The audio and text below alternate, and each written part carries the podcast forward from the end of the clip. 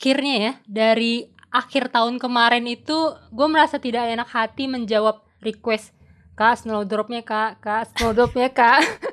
Dan gue cuma bisa bilang e, iya tunggu ya sabar ya ini masih panas gitu masih takut nih takut-takut ngeri kalau misalkan ngebahas hal yang kontroversi. Karena kan gue hati mental gue tuh nggak sekuat lo dan Dita gitu. Kalau misalkan sampai ngebahas hal-hal skandal terus bikin masyarakat marah gitu gue kayak jadi takut gitu kan jadi mending nunggu adem dulu lah nunggu ada kejelasan ini tuh bisa diterima masyarakat apa enggak Hmm, gitu. tapi untungnya kita menunggu ya. Iya karena sebenarnya pun gue eh, walaupun gue nggak berani untuk mempromosikan ini atau bilang ini bagus segala macam, tapi gue tetap nonton gitu. Iya sih, iya sih bener-bener. bener. Dan yang paling penting sih sebenarnya karena kita menunggu, akhirnya datang juga sebuah kesempatan bahwa episode ini kita akan ada quiz. Wah, the Is. greatest Sun buat mendapatkan bingkisan. Nah, itu dia kata yang paling tepat, bingkisan. Besekan. Ya, besekan.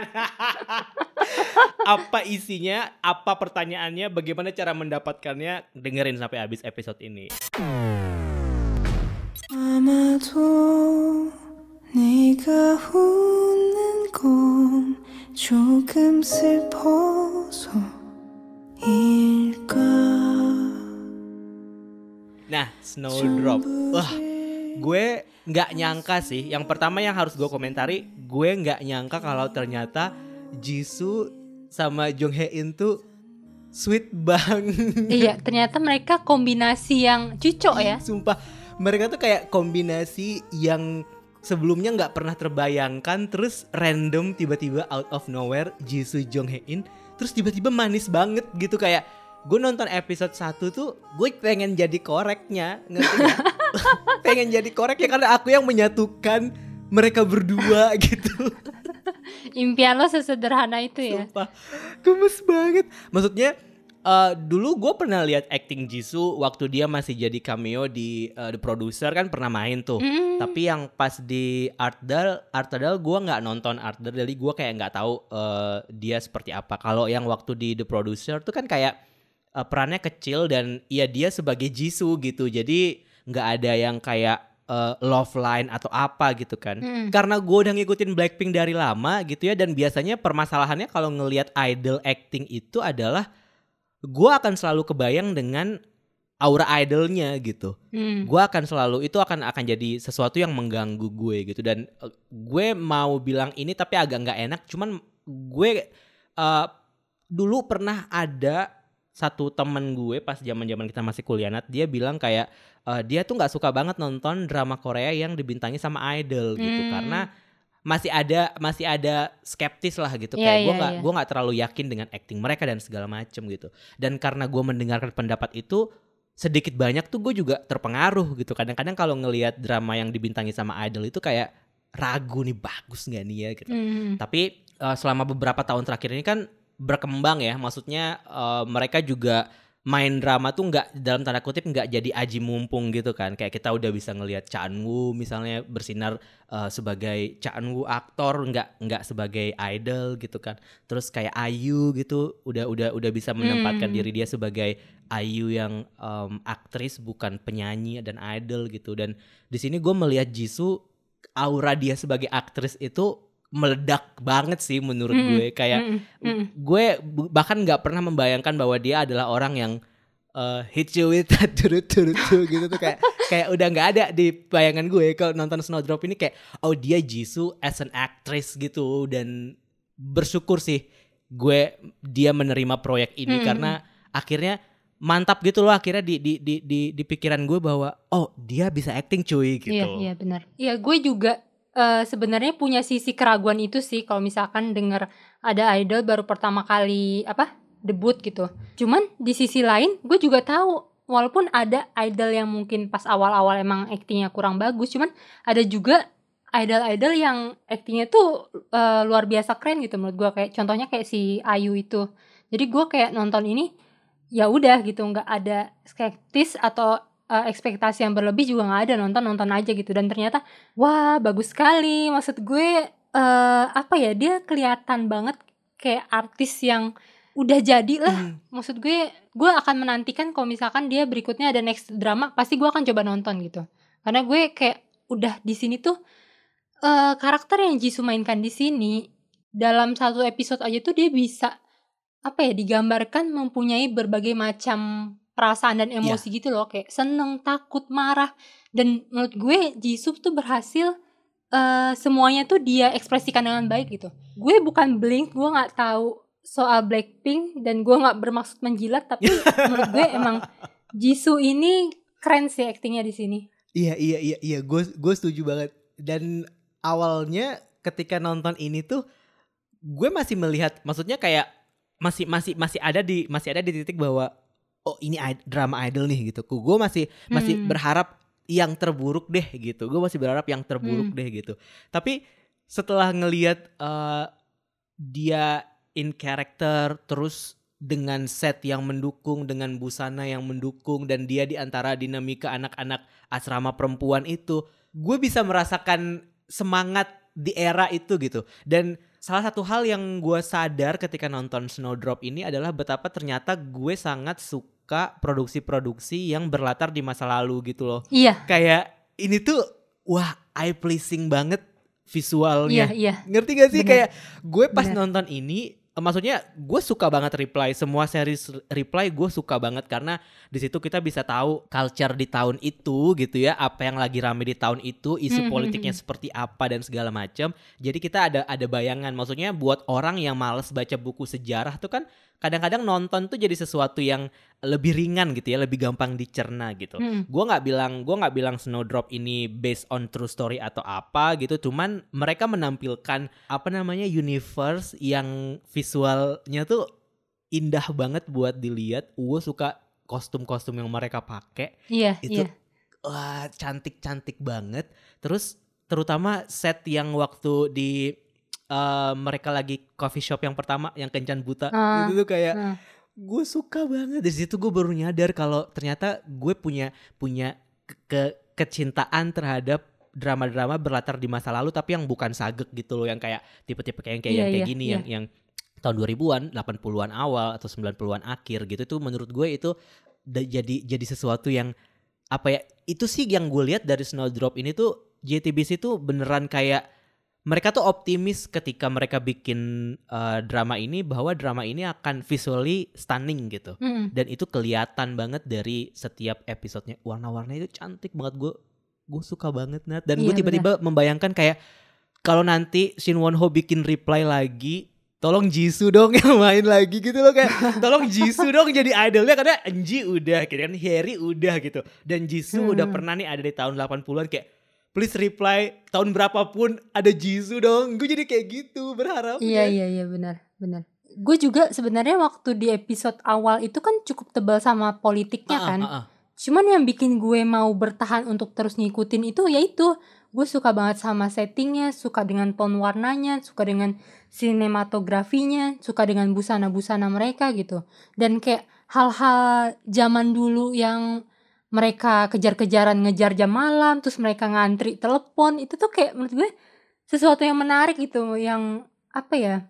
Mungkin gue mulai merasakan sedikit kebosanan dengan drama-drama yang ada sekarang. Iya, iya, iya, iya, Heeh, iya. yang ya udah romcomnya begitu-begitu lagi gitu kan cowok sendiri terus ini ya ya setting hal yang udah biasa kita lihat lah. Sedangkan kalau misalkan yang masa lalu itu kan kita kayak kita nggak tahu gitu kita nggak hidup di zaman itu gitu. Dan mereka berusaha menampilkan eh, apa yang terjadi di masa lalu dengan visualisasi yang yang seindah itu itu bener-bener memanjakan mata sih buat gue. Iya, gue setuju banget. Gue mungkin karena sebagian dari masa kecil kita nih sebagai anak 90-an pernah merasakan telepon umum gitu ya. Hmm. Terus juga pernah pernah hidup di di zaman di mana tidak ada gadget gitu. Jadi mungkin sedikit banyak tuh relate lah gitu kayak kaset misalnya dulu kayaknya gue seneng Iya, banget ke kaset. Distara gitu kayak sekarang kan udah nggak ada Distara nih gitu kayak dulu tuh kayak toko kaset itu adalah sebuah eh, apa ya toko kaset sama toko buku. Gue tuh dulu kayak safe space gue banget gitu kalau ke toko kaset. Walaupun gue nggak Hmm. beli kayak gue cuma lihat-lihat aja tracknya di belakang. Kayak gue nggak mampu beli juga nih kaset gitu.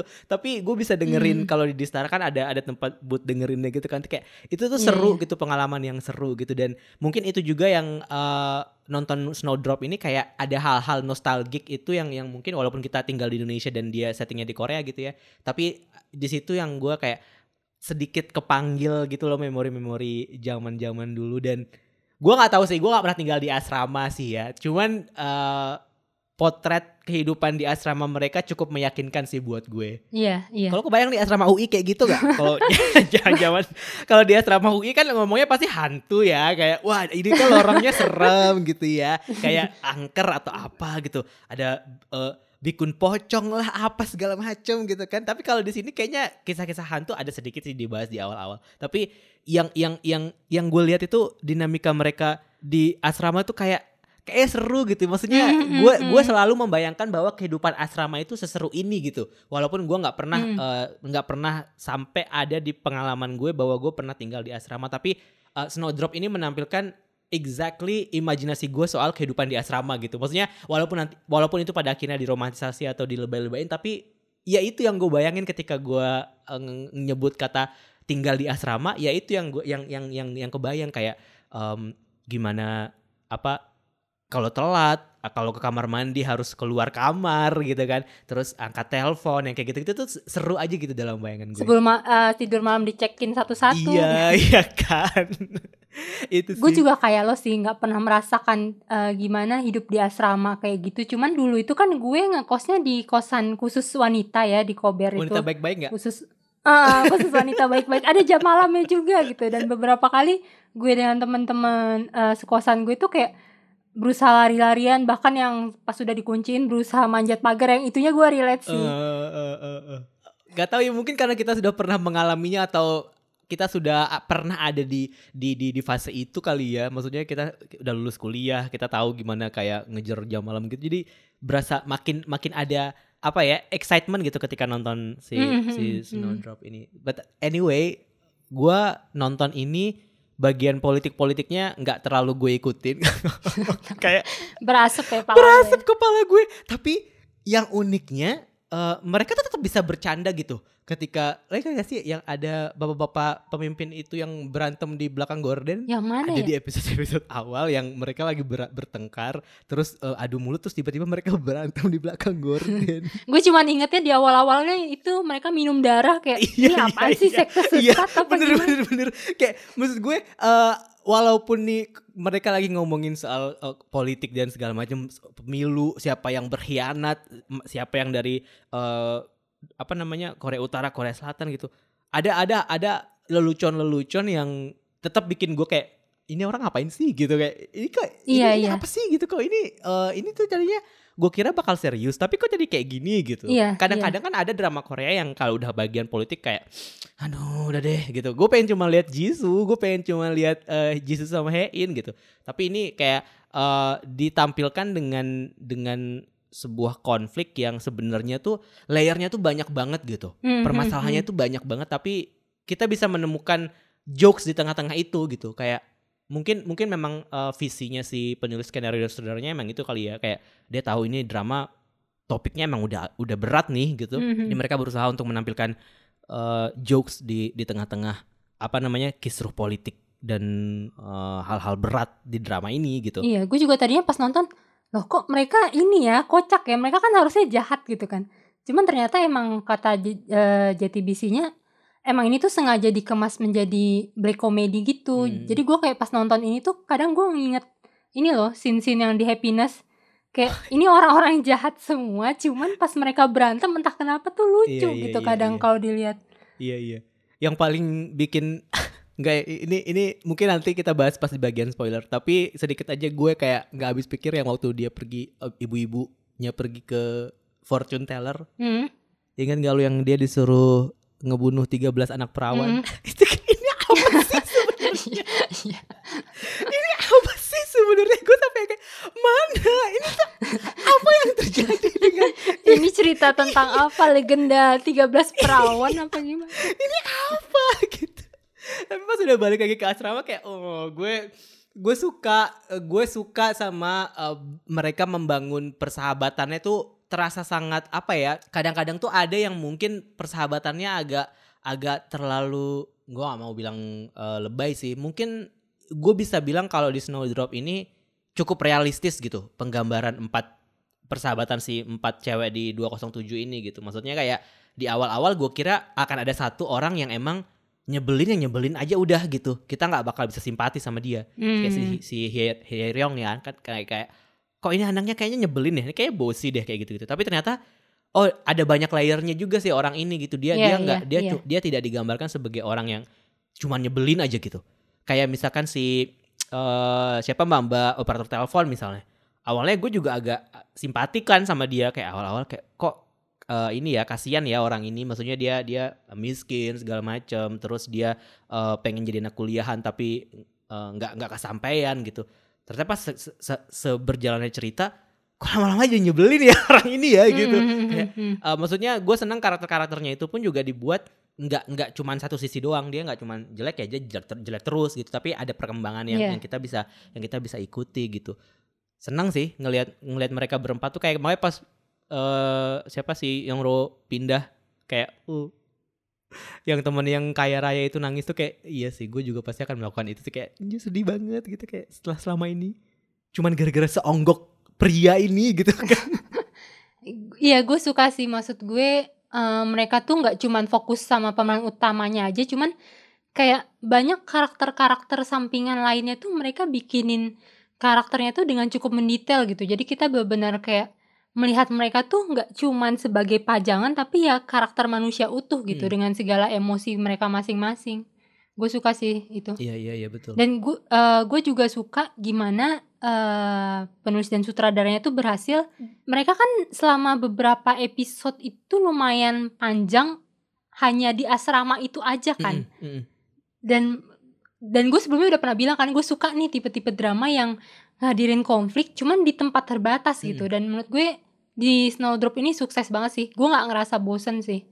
Kayak ada aja gitu hal yang terjadi di dalam sana yang bikin gue tetap ngerasa eh tahu-tahu udah Iya. habis gitu. Dan gue senengnya itu mungkin karena emang si sutradara sama penulis skenario nya ini memang udah uh, dikenal sebagai penulis Sky Castle gitu ya. Jadi kayaknya kalau mereka mau bikin lagi tuh ya harus yang segrande itu gitu. Hmm, Jadi hmm. gue gue bisa melihat bahwa vibe grande itu sangat terasa sih di sini dengan gimana mereka menampilkan eh, Hosu University ini, terus eh, universi eh, apa presiden dan konflik politiknya, di gimana mereka mena- menghadirkan apa namanya bubble di ruangan asrama 207 itu. Maksud gue banyak banget detail yang yang bikin Snowdrop ini tuh jadi terlihat apa ya kayak bukan drama ecek-ecek Iya gitu ya. loh kayak makanya a- agak sedikit gue sayangkan sih eh, kontroversi yang terjadi gitu. Mm-mm, itu mm-mm. itu Mm-mm. cukup mempengaruhi gue jujur aja karena tidak bermaksud dengan memuji drama ini kemudian gue setuju bahwa ada eh, apa namanya mereka melakukan distorsi sejarah dan segala macam enggak gitu. Maksudnya ya drama ini dibuat sebagai fiksi gitu. Mhm. dan eh, komentar ini juga muncul dari sebuah produk fiksi. Maksud gue kontroversi yang di awal itu tuh cukup mempengaruhi gue. Jadi ketika gue nonton ini kayak eh, gue jadi agak conflicted karena aduh kok gue kesannya kayak nggak enak gitu ya me- menikmati sebuah karya yang menyinggung kalangan tertentu gitu jadinya. Padahal kan maksud gue eh, anyway gue cuman tahu bagian luar dari si kontroversi itu sampai akhirnya sebelum rekaman ini gue coba untuk dik lebih dalam lagi gitu kan. Gue lihat kenapa sih eh, orang-orang tuh sampai bikin petisi buat si Snowdrop ini gitu. Dan kemudian gue jadi ber- jadi jadi berpikir oh oh oke mungkin memang hal itu terlalu sensitif untuk di dibuat atau di dibikin distorsi gitu Mhm. Eh, da- dan dan diromantisasi dalam sebuah drama gitu. Akhirnya oke I get it. Gue tahu eh, kenapa akhirnya orang-orang menolak si produksi ini gitu walaupun ketika gue nonton ini gue menikmati sih sebenarnya Iya, gitu. iya. gue gue nggak nggak yang nggak yang pada akhirnya berpikir bahwa wah ini drama distorsi dan segala macam. Enggak jadi kayak mindsetnya emang udah ini fiksi aja gitu. Dan gue gue cukup menikmati nggak cukup juga sih menikmati banget malah bagaimana cara mereka menceritakannya perkembangan karakternya dan segala macam itu.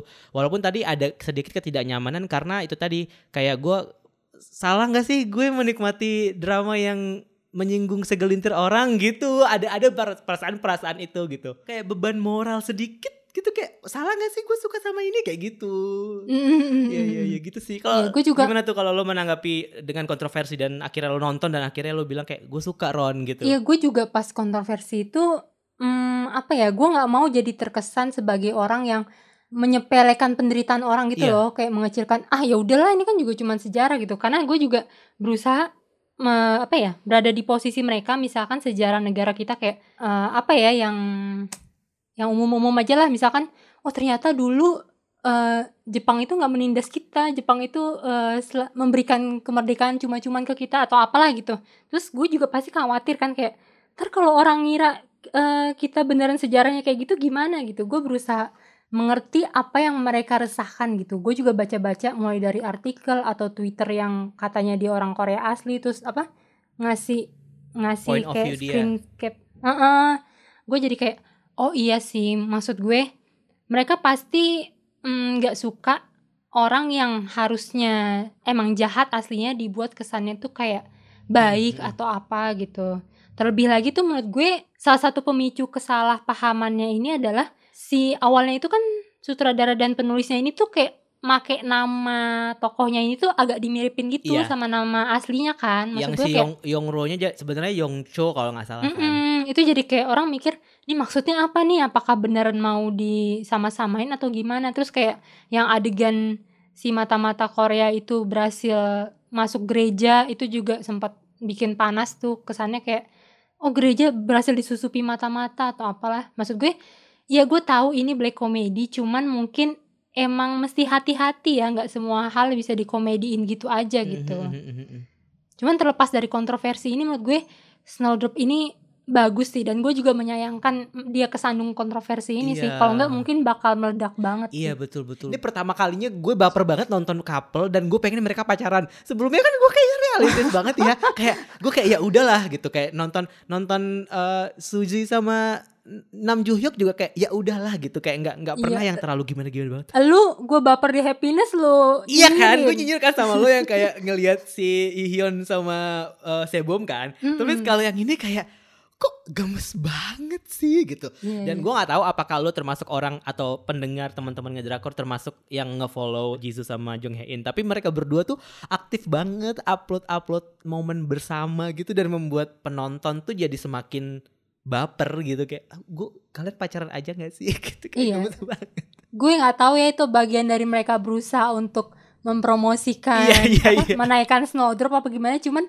gue juga nonton kayak behind the scene mereka tuh kayak aduh juga ini bener-bener bahaya ya Sumpah sih kayak mereka tuh masalahnya be- berdua tuh sama-sama sama-sama charming gitu. Mm-mm. Jisoo eh, dengan dengan image polos dia dan karakter dia yang sangat sangat eh, apa namanya adorable, adorable banget dan minta dilindungi dan ada Hein yang siap melindungi dia sebagai Superman gitu tuh kayak ini gemes banget. I cannot.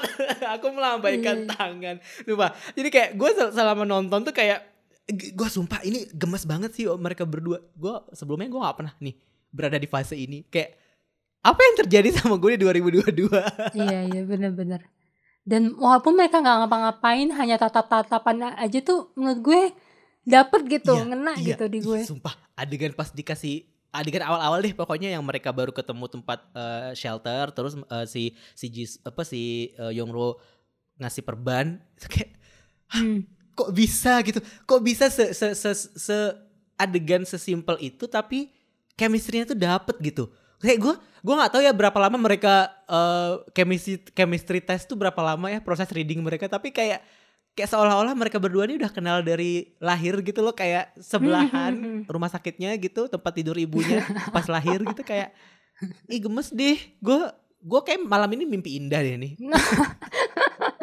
Kenapa jadi gitu? Mimpiin J- J- eh, Jong Hae In sama Jisoo. Gemes banget soalnya tapi kalau di antara yang lain ada nggak lo yang karakter yang lo suka di antara mer- selain mereka berdua? Ada dong. Cuman gue nggak bisa jawab sekarang. Kita mesti masuk ke segmen spoiler dulu Oke nih kalau gitu. Roll spoiler. Nah udah masuk. Jawab siapa? Karakter yang lo suka selain Suho dan juga eh, Yongro? Dokter Kang sih. Menurut gue karakter dia itu apa ya jarang-jarang nih gue bisa bersimpati dan suka gitu sama eh, cewek pemeran kedua gitu Hmm. begitu gue tahu nih bakal ada cinta segitiga nih menurut gue eh apa ya harusnya gue merasa terganggu atau apa gitu kayak biasanya cuman gue bisa memahami banget sih waktu mulai flashback ke karakternya Dokter Kang kenapa dia awalnya jadi suka sama si Suho ya kali gue juga jadi dia kayaknya bakal langsung jatuh hati ditolong segitunya gitu di tengah kematian yang dingin gitu kan tiba-tiba ada eh, apa bantuan hangat dari Suho Emang gitu. Suho ini Superman banget sih menurut gue. Mm-mm, serba bisa kan Heeh. Cuman dokter Kang ini gue kira dia bakal jadi cewek yang nyebelin atau gimana gitu. Cuman ternyata dia tetap bisa apa ya? Pada porsinya gitulah. Oke dia menyukai Suho, cuman dia nggak mau main kotor atau jadi cewek nyebelin kayak si Bun Ok gitu. Iya iya iya iya betul betul betul. Dan menurut gue dia itu apa ya? Dia tuh sadar banget sama posisinya bahwa dia bagaimanapun adalah mata-mata Hmm. gitu. Karakternya dia kuat banget sih menurut gue. Mm-mm, karakternya kuat banget dia kayak apa ya?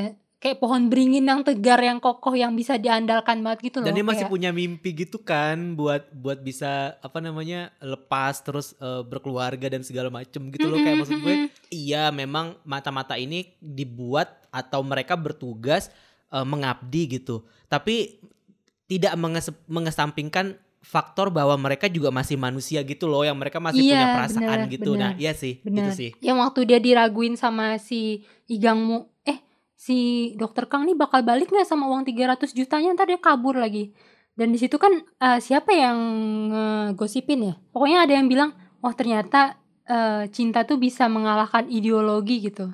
Di situ menurut gue si dokter Kang ini walaupun dia seorang mata-mata yang sangat bisa diandalkan dan keren, tapi dia juga cewek yang bisa berkorban segitunya juga Mm, gitu mm, buat mm. orang yang dia sayang iya iya gue suka sih sama karakter dia dan gue apa ya ngerasa sedih gitu untuk dia kayak dia di hatinya nih dari awal nih si Suho nih. Cuman karena tugasnya sebagai mata-mata dia jadi harus ngedeketin si siapa tuh bapak-bapak ngeselin itu? Si Namtail iya si Namtail itu kan. Maksudnya gue nggak kebayang deh dia hatinya buat Suho tapi dia harus ngejilat-jilat si Namtail ini untuk bisa jadi orang kepercayaannya. Itu kayak berat banget sih pasti jadi dia.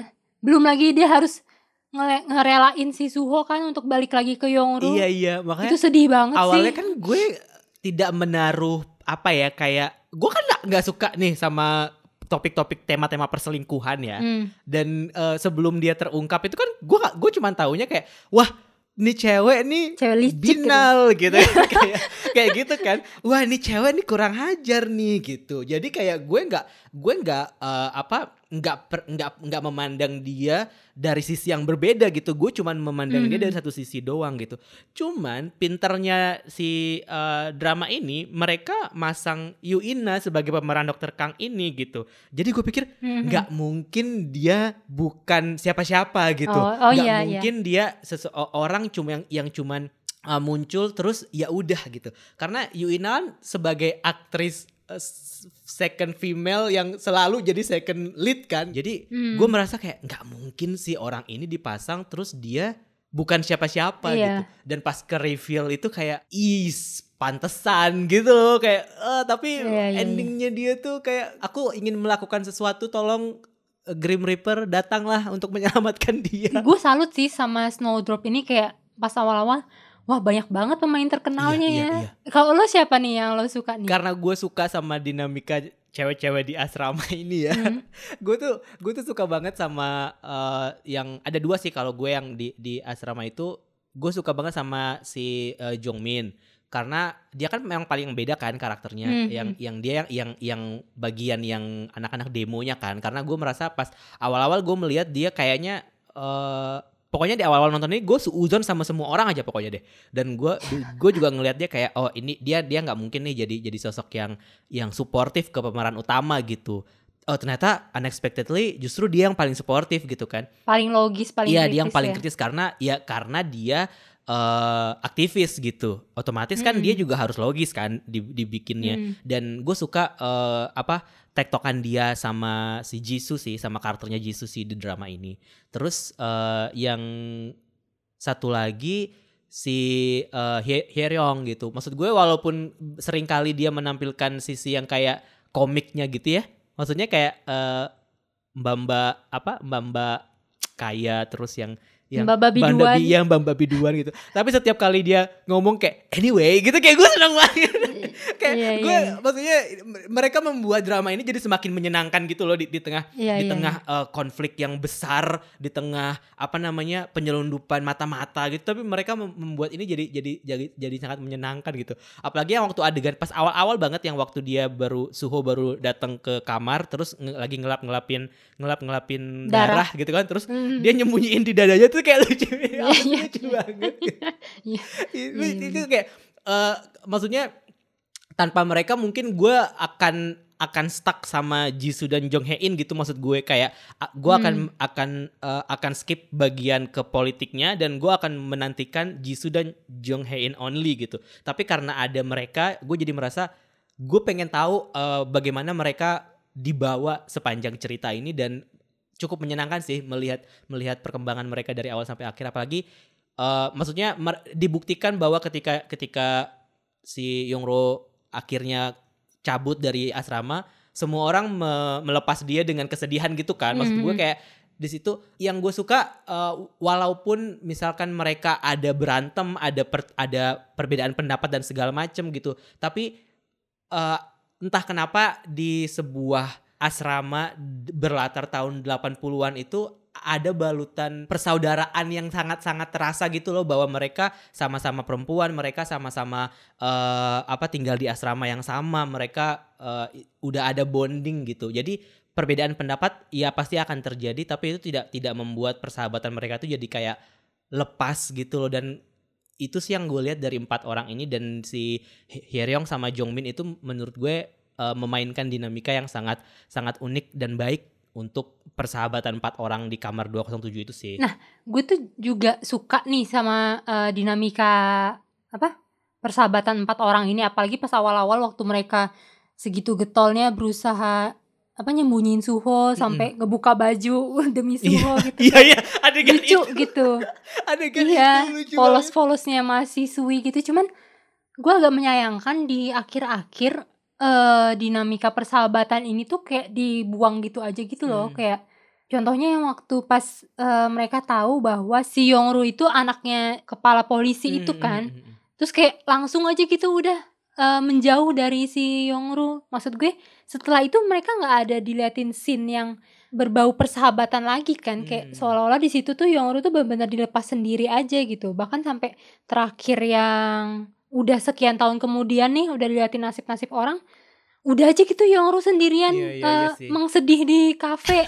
Kayak teman-temannya tuh ke mana gitu. Dan gua nggak suka kayak terlalu cepet menghakimi si Yongru itu. Iya sih, iya kayak sih, gue misalkan andaikan nih lo tiba-tiba terungkap bahwa lo adalah anak presiden. Ya gue nggak bakal langsung menuduh lo oh lo pembohong pendusta. Lo pasti punya alasannya kan untuk menyembunyikan Hmm, hal hmm, itu kan. dan di antara tiga orang itu nggak ada satupun yang berusaha oh Yongru tuh pasti punya alasan atau apa tapi mereka langsung kompak ninggalin Yongru udah gitu Iya iya iya sih, iya sih. ke mana persahabatan yang selama ini dipupuk gitu Iya iya itu sangat ya iya itu sih ya. Ya kalau dipikir-pikir itu juga cukup menyedihkan juga sih ya. Padahal kan eh, buildingnya di awal tuh sudah sangat meyakinkan ya. Mm-mm. Kalau karakter lain yang gue suka itu Jang Hana Oh sih. iya sih. Bener Di awal gue kesel banget sih sama dia. Kayak ini cewek apaan sih barbarita banget. Barbarita. Cuman makin ke sini tuh gue makin mengerti sama si Jang Hana ini sih. Dan gue juga cukup salut dengan keloyalitasan dia sih sama si Igangmu kayak disuruh apa aja tuh dia mau dan dia ngerjain dengan baik gitu kayak dia bener apa ya cewek yang ya udah kalau udah suka sama si Igangmu ini dia bakal nurutin apa yang di mau sama si Igangmu ini walaupun ternyata keungkapkan bahwa Igangmu ini eh, bukannya jahat ninggalin dia gitu aja cuman gara-gara bo- bokapnya itu ini kan Iya iya. kayak pejabat yang nggak benar juga kan jadi kayak Igangmu tuh berusaha menjauh gitu dari Iya, si iya, iya. Hana Karena ini emang semua atas nama cinta tuh bisa gitu menyentuh sisi hati penonton seperti Nadia. iya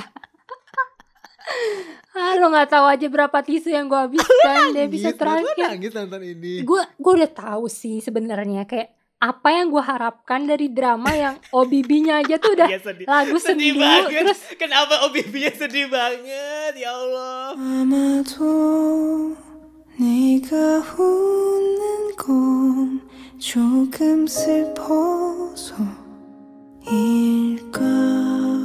Iya terus shot-shotnya tuh asrama yang hampa kosong terus sekalinya ketemu mereka cuman bayangan yang gue ngerasa ini hantu mereka ntar atau gimana gitu kan gue udah yakin nih pasti bakal set ending cuman begitu beneran set ending kayak wah gue nggak siap sih Gue sebel Terlalu banget. sedih. Gue sebel banget. Maksudnya kayak karena kita berangkat dari manis-manisnya mereka berdua gitu, terus kita ditampilkan Mm, sebuah mm, mm. cerita yang eh, nggak ada harapan untuk bersama. Kayak di satu sisi bener sih kayak kata lo, apa yang lo harapkan dari eh, cerita seperti ini gitu kan? Karena Mm-mm. eh Yongro juga nggak mungkin kabur ke luar negeri sama apa namanya mata-mata Korea Utara gitu kan itu kan akan akan Mhm. membuat ceritanya jadi lebih kontroversial lagi gitu maksud gue tapi dengan ending seperti ini tuh kayak gue butuh gue butuh obat untuk bisa menyembuhkan eh, mengembalikan kebahagiaan-kebahagiaan di awal gitu loh maksud gue. Mm. Kenapa ending itu kayak gitu? Dan mereka sengaja banget bikin eh, si Yongro balik ke kafe sendiri dengerin rekaman suara di tempat Mm-mm. mereka pertama kali ketemu. Itu tuh kayak Mm-mm. jahat bang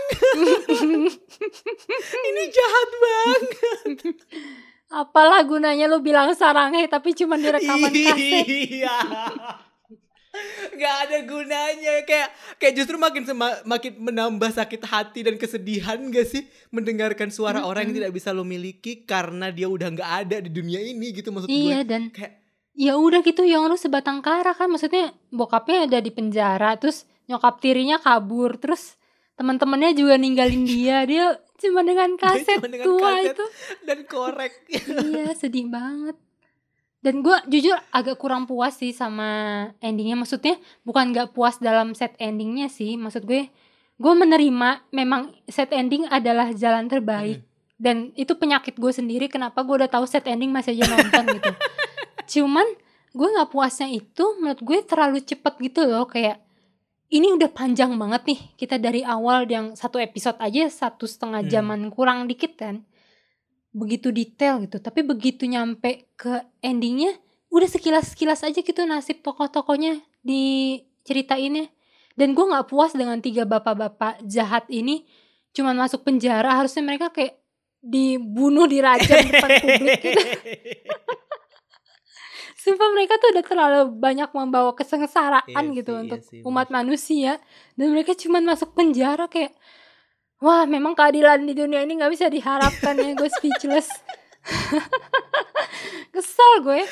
Ah, iya sih iya sih. Cuma eh, tapi tapi berhasil ya. Drama ini berhasil mengoyak emosi banget sih. Kayak dari dari a- iya dari awal yang emang unexpectedly ternyata pasangannya gemes terus unexpectedly ternyata endingnya kayak gitu gitu. Kayak oh gitu. Mm-mm. sedih banget kayak aduh ta- tapi kalau misalkan Jisoo sama Jong Hae In disatukan lagi dalam sebuah drama yang lain yang setting masa kini terus mereka happy ending biasanya kan gitu kan minta justice kan biasanya fans kayak ayo dong bikin lagi tapi yang endingnya lebih eh, apa namanya yang lebih bahagia gitu kan biasanya fans kan gitu nah ini waktunya anda fans fans Snowdrop untuk bikin petisi untuk membuat happy ending antara Jisoo sama Jong Hae In di next drama. Well, oke, seperti janji kita di awal, di episode ini akan ada gratisan buat kamu untuk mendapatkan tiga paket bingkisan dari Snowdrop dengan menjawab pertanyaan yang akan gue bacakan berikut ini ya. Tapi ada beberapa syaratnya. Yang pertama, lo harus follow akun Instagram Detik Hot, terus lo juga harus share postingan poster kuis Snowdrop ke Instagram Story. Tapi jangan lupa akun lo nggak boleh dikunci. Yang kedua, lo harus follow channel Spotify-nya podcast Ngedrakor. Yang ketiga tentu saja mendengarkan podcast ini sampai habis karena bentar lagi gue akan kasih tahu pertanyaannya. Yang keempat, jawab pertanyaannya di kolom komentar postingan Instagram yang tadi lo share. Periode kuis ini akan dibuka 4 Februari 2022 sampai dengan 10 Februari 2022. Pemenangnya bakal diumumkan di episode podcast Ngedrakor selanjutnya di tanggal 12 Februari 2022. Oke, pertanyaannya apa? Gampang. Ini dia. Yang pertama, apa sih yang paling lo suka dari Snowdrop? Dan yang kedua, sebutkan tiga karakter yang menurut lo paling berkesan dan bikin drama ini tuh seru banget. Dan jangan lupa untuk tulis alasannya. Ya, langsung aja tulis komentar di postingan Instagram dan good luck everyone. Terus terus kalau selain yang tadi kita udah omongin, ada nggak sih hal yang menurut lo paling berkesan dari Snowdrop ini? Gue suka banget pas bagian eh, Igangmu sama Im Suho itu lagi berdebat soal ideologi. Hmm. Kayak akhirnya tuh mereka tuh sama-sama sadar bahwa mereka ini cuman alat, cuman pion yang apa ya, yang dipermainkan oleh penguasa gitu loh. Hmm. Kayak mereka berusaha bertukar pikiran satu sama lain kayak kita tuh nggak bisa gini terus, kita tuh diadu domba, kita tuh harus hidup gitu dengan cara kita sendiri. Terus mereka kayak mulai mempertanyakan apa sih arti hidup ini gitu kan? Anjay. Apa yang sama ini gua korbankan eh apa Igangmu kan juga akhirnya nyesel kan karena kan dia gimana pun dia adalah anggota si ANSP itu Hmm. kan dia pernah terlibat dalam apa sih hal-hal busuknya mereka lah yang kayak nuduh-nuduh orang spionase segala macam itu gitu terus Suho pun juga sebagai mata-mata dia pasti pernah membunuh orang kan diliatin juga dia dulu gimana kerasnya dia latihan menjadi mata-mata terus akhirnya kayak mereka mulai kenapa sih hidup kita kayak gini itu Hmm. menurut gua kayak keren sih mulai dari mereka tadinya saling musuh terus akhirnya mereka jadi bromance. gitu ya tiba-tiba. Mm-mm, dan dan paling nendang tuh pas bagian terakhir itu loh yang waktu Yang dia manggil Hyung ya. Heeh. terus gue kayak wah gila. Gue tertampar banget. Hati gue remuk Oh. wah sedih banget sih. Eh ujungnya sedih lagi ya nggak jadi hal ujungnya yang menyenangkan. Bukan yang menyenangkan sih. Tapi biar biar gue biar gue yang men- menambahkan dengan adegan menyenangkannya. Kalau gue eh, yang yang sampai ketika gue nonton eh, episode terakhir itu yang sampai gue masih nggak bisa move on itu sebenarnya pas adegan pertemuan pertama mereka sih yang waktu itu si korek mau jatuh. Maksud gue gue tuh suka sama si Suho ini karena dia dari awal tuh emang suka gitu. Dia tuh bukan dia tuh eh, apa pandangan pertama tuh bukan yang kayak mempertanyakan. Maksudnya dia dia tidak tidak langsung mempertanyakan bahwa apa yang akan terjadi kalau gue suka sama cewek ini kan gue posisinya mata-mata dan segala macem gitu. Maksudnya eh, Hmm. dia di situ posisinya sebagai alter ego dia gitu. Bukan bukan sebagai mata-mata Hmm, dan dan itu kelihatan banget. Maksud gue gue melihat ketulusan bahwa si eh, Suho ini emang jatuh cinta pada pandangan pertama gitu. Drama ini ditutup dengan eh, adegan di tempat yang sama kan. Hmm. jadi mau nggak mau kan harus ngebawa lagi ke episode pertama kan kayak ya, kalian pertama kali bertemu di situ terus kayak tiba-tiba lo cuma duduk nangis dengerin rekaman suara itu maksud gue itu cukup itu cukup berkesan sih buat gue. Dan kalau gue nggak kalau gue nggak tertarik dengan adegan itu kemungkinan gue nggak akan tertarik dengan kedekatan mereka di episode-episode selanjutnya sih. Jadi itu kayak beneran pijakan gue bahwa I ship this couple gitu loh kayak langsung, ngena gitu iya, ya langsung ngena gitu yang kayak Iya, iya, ketika benar. ketika dua orang yang sama-sama tahu mereka saling suka tuh oh gini loh yang terjadi ini loh eh, apa kemungkinan kemungkinannya gitu maksudnya kalau Yongro nggak suka sama Suho dia juga nggak bakal mau kan berkorban sebesar itu kan me- me- me- apa Mm-mm. namanya me- mm, membahayakan teman-teman dekatnya dia di asrama bahkan eh, nasibnya dia juga mana dia juga lagi eh, apa namanya menyimpan rahasia besar tentang identitas dia gitu dan Suho pun kalau Mm-mm. misalkan emang dia nggak sesuka itu sama si Yongro juga eh, usaha dia selama empat hari itu juga nggak mungkin dia akan istilahnya mau-mau aja gitu di, di disuruh sama suruh kayak lu tinggal aja lu di sini gitu. Kalau maksud gue kalau emang gue nggak punya rasa ya gue hari hari pertama juga udah kabur aja udah udah ngapain gue lama-lama hmm. di situ gitu kan. Maksud gue itu sih. Iya. kayak "Ah, gue suka tapi ya eh, ujungnya mereka tidak bersama jadi ya udah pasrah ya pak. ya bu. Iya, gue juga sesuka itu sih sama eh, main lead kita kali ini. Dan gara-gara gue nge-ship mereka banget, gue juga jadi sekesal itu sama si Bun Ok itu. iya iya iya iya iya tuh- iya iya iya Licik, egois, provokatif, bacot, pengkhianat, dan tukang ngacauin rencana orang. Kayak, aduh sumpah deh dia harusnya tuh dikunciin aja, diikat gitu kan, dipasung sampai akhirnya pas mau keluar baru dilepasin gitu. Lo jahat banget Apa yang terjadi pada lo selama kita libur Lo berubah Nat Lo jadi selembut itu dulu Dulu lagi gue udah menjadi partai Aimin. Habis maksud gue dia tuh berkali-kali membuat kesalahan tapi tuh si direktur asramanya tuh terlalu lembek gitu. Oke, dia digambarin dia punya rasa bersalah sama si Bun Ok. Cuman eh, apa ya mereka tuh terlalu nggak hati-hati gitu loh sama si Bun Ok ini. Hmm. Akhirnya berkali-kali kan Iya, mereka di iniin, dikupingin terus dibocorin rahasianya Iya, iya. kayak nggak belajar dari kesalahan gitu. Terus sekali ketahuan nih cewek eh, bernyali banget. Ya si Gang, eh, Ikangmu atau Suho lebih inilah ngasih perhatian lah ke dia jangan dibiarin berkeliaran gitu aja. Iya. gue kayak mama sewot banget gitu ya. Udahlah. awalnya gue simpatik sama dia Iya karena kan? dia kan kayaknya apa sih eh terbuli kayak anak yang kehilangan masa depan Iya padahal dia kan? punya mimpi Jadi tinggi ada Cuman, alasan orang tuh nggak suka sama dia sebenarnya beralasan dong mm-mm, ujung-ujungnya. makanya jadi jadi kayak ah pantas aja dia dikeselin dia terlalu terlalu apa ya? Yang waktu akhirnya si direktur aula itu cerita soal kakaknya kan dia kan nyalahin direktur aula Hmm, banget kan. Terus gue dalam hati kayak lah lu juga kayak gitu lo lebih parah malah. Bisa-bisanya lo nyalahin direktur aula doang ngaca gitu. Tuh kan, kayaknya sesuatu yang terjadi sama lo selama kita libur. Kalau sekarang penuh emosi gini.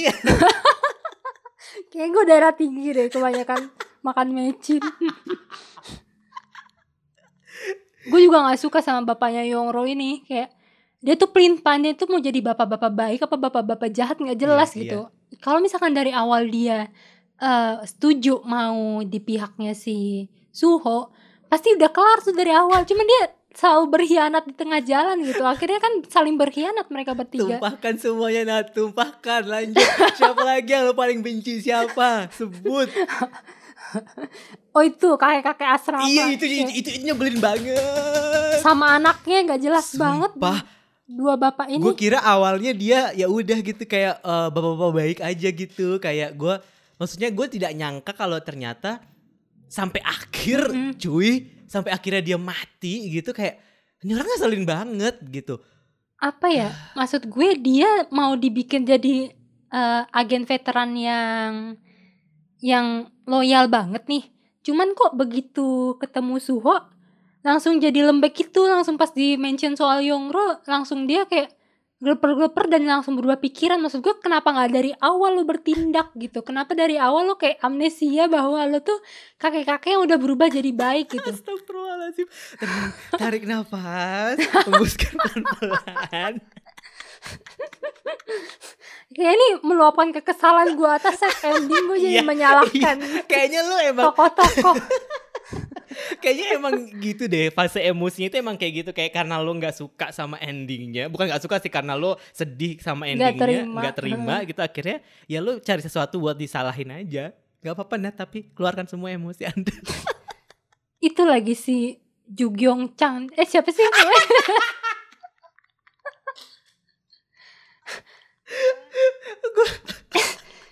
ngeselin banget. Untung ini bikin sayang gara-gara dia pencinta ramen Tapi gue gue kagum banget ya Sama semua staff-staff polisi di sini. Gak ada yang jelek. Oh iya Sumpah. iya iya. Semuanya kayak Aktor-aktor good looking semua anjir. Iya kayaknya sengaja ditempatkan yang cucok-cucok. Luar biasa loh sampai staff-staffnya semuanya tuh nggak ada yang kayak eh, apa namanya nggak ada yang tampang-tampangnya kayak gue gitu loh yang kayak Kayak- semua itu kayak opa-opa ganteng gitu. Iya kayaknya ini deh eh gue jadi relate sama pas mereka mau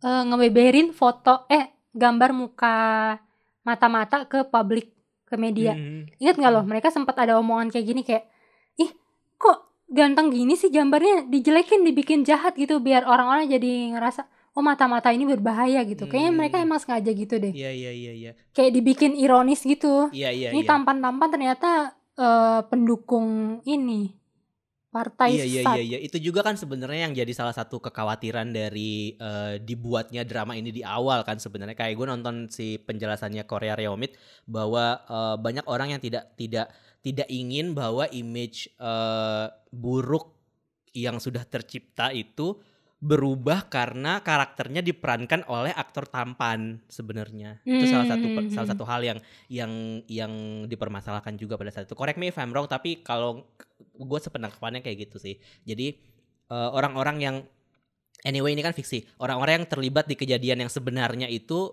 eh, istilahnya nggak layak lah untuk digambarkan untuk diperankan baik oleh gitu. iya untuk diperankan oleh aktor yang ganteng gitu jadinya eh, makanya sempat terjadi keramaian kontroversi dan segala macam tapi gue setuju sih ini semua semua side karakternya terus eh, polisi-polisi yang lainnya itu kayak semuanya dipilih dengan baik gitu ya dan mungkin benar kata lo tadi sih kayak ironis banget dan eh, itu itu itu itu salah satu usaha JTBC untuk menampilkan eh, ironi itu kali ya bahwa Hmm. Lo nggak boleh tertipu dengan tampang. Semoga kita semua selalu diselamatkan dari pesona-pesona orang-orang ini ya. Tetap ya keadilan untuk warga-warga good looking. Iyalah. Kalau good looking tuh kesannya tuh ada pemakluman gitu Iya. kayak "Ah, ya udahlah gitu. Kalau gue yang tiba-tiba bikin masalah mana ada yang dukung gue. Kok lo pesimis gitu sih? Gue Enggak, gue tak. setia kawan Gue nggak kok. pesimis, gue tahu diri. Gue gak akan jadi teman-teman Yongro yang meninggalkan Yongro sendirian. Bener ya, awas lo ya. entah entah kenapa gue di 2022 ini kayak gue pengen nonton sesuatu yang memang hanya bisa membuat gue senyum dan bahagia. Iya, gitu loh. bener. Kayak Iya gak sih? Iya, itu Kayak kita udah- jadikan visi misi ngedrakor iya, tahun ini gue ya. rasa itu sih. Kalau udah ada bau-bau set ending Iya gak usah usah sih nggak usah kayak ini kalau udah lihat OBB-nya openingnya kayak gini oh ini udah nggak usah ditonton Iya iya. gue tuh kayak Udah guna. 2020 2021 tuh kayaknya semua tuh sedih gitu kayak apa apa tuh kayaknya gloomy gitu terus gue tuh pengen 2022 ini selain Snowdrop karena udah terlanjur ya kan Hmm. pengen nonton sesuatu yang kayak bahagia gitu sesuatu yang paling nggak bisa apa ya eh, dari awal sampai akhir menjanjikan sesuatu yang bikin kita tuh jadi happy seterusnya gitu loh yang kayak impactful Hmm. gitu happynya gitu maksud gue ada cerita-cerita yang memang eh, berakhir sedih tapi juga tetap bisa membuat kita puas gitu tapi kalau yang ini kayak gue sakit hati gitu kayak ya ampun gitu dan ke- kebayang gak sih kayak misalkan eh, 30 50 tahun kemudian 40 tahun kemudian jadi Yoro kayak masih mendengarkan kaset gitu Iya. Sebatang kara. Sebatang kara dengerin di kaset gitu kayak aduh dia dia walaupun dia udah nikah sama orang terus dia punya cucu dia cuma tetap aja nyeritain dulu eh, saya dikasih kaset sama cowok saya gitu kan tetap Hmm. aja kan sedih kan ujung-ujungnya nggak ada kebahagiaan di situ gitu Iya. kita ke depannya ngebahas yang happy happy aja please Lo nggak tahu aja eh, deretan drama barunya kayak apa ntar. Iya ya, bener juga sih. Semoga nih 2022 drama Koreanya eh dijadiin aja lah semuanya jangan terlalu panjang-panjang episodenya ya. 10 sampai 12 gitu cukup lah gitu. Mm, mm, Tapi eh, endingnya ya ya- yang happy-happy aja lah gitu. Yang kayak Mm-mm. jangan terlalu yang membuat Nadia buang-buang tisu gitu. Iya, ini udah apa 16 episode, satu episodenya 1 jam 20 menit. Ujungnya gue hanya mendapat air mata.